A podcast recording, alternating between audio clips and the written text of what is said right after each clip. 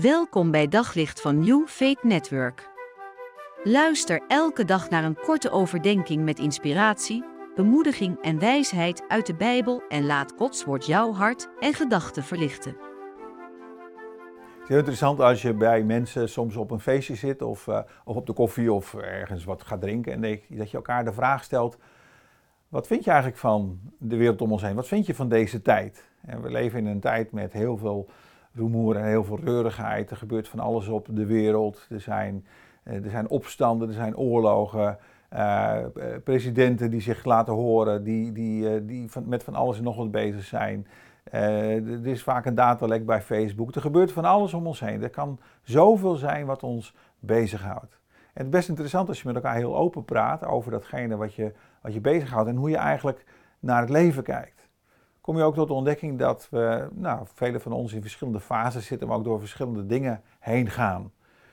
En een van de dingen die, die voor mij heel, heel erg interessant is om steeds over na te denken, is wat doe je met het leven zoals het gaat? En ik ben uh, ja, bij een prachtig werk betrokken en ik heb een gezin met kinderen die gezond zijn. En we zeggen heel vaak thuis, ja, we hebben, het best, we hebben het best goed met elkaar.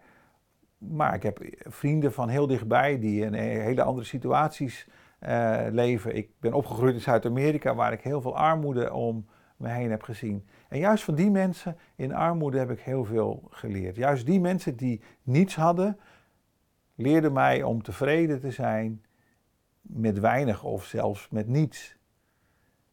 En als ik dat dan, uh, als ik dat dan naast de Bijbel leg, dan kom ik een prachtige tekst daartegen die ook vaak bezongen werd. En die nog steeds heel erg, uh, heel erg tot mijn hart spreekt. Heel erg tot mijn leven spreekt. Ook als dingen minder gemakkelijk zijn. Als het, als het minder gaat zoals ik gehoopt had. En dat is een tekst in Habakkuk vers 3, vers 17 en 18. Hoofdstuk 3, vers 17 en 18. Daar staat dit. En het is misschien een bekende tekst, maar ik vind hem prachtig. Al zou de vijgenboom niet bloeien. En er geen opbrengst zijn aan de wijnstok.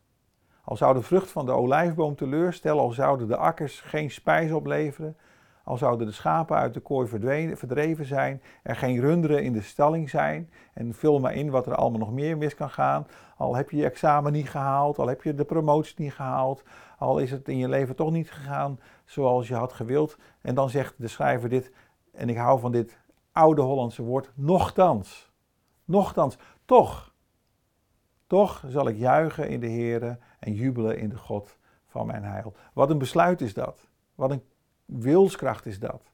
Om te zeggen dat ook al gaan de dingen helemaal niet zoals ik wil, ook al is er verdriet in mijn leven, toch kies ik ervoor om een vreugde te halen bij God, om te juichen in de Heer en zelfs te jubelen in de God van mijn heil. Welke misschien hele kleine reden heb jij vandaag om blij te zijn, om dankbaar te zijn aan God?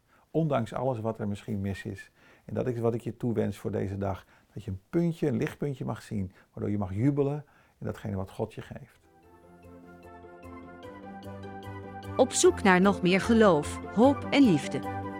Op New Network vind je honderden christelijke films, series en programma's. Nog geen lid? Probeer het 14 dagen gratis op newfaithnetwork.nl.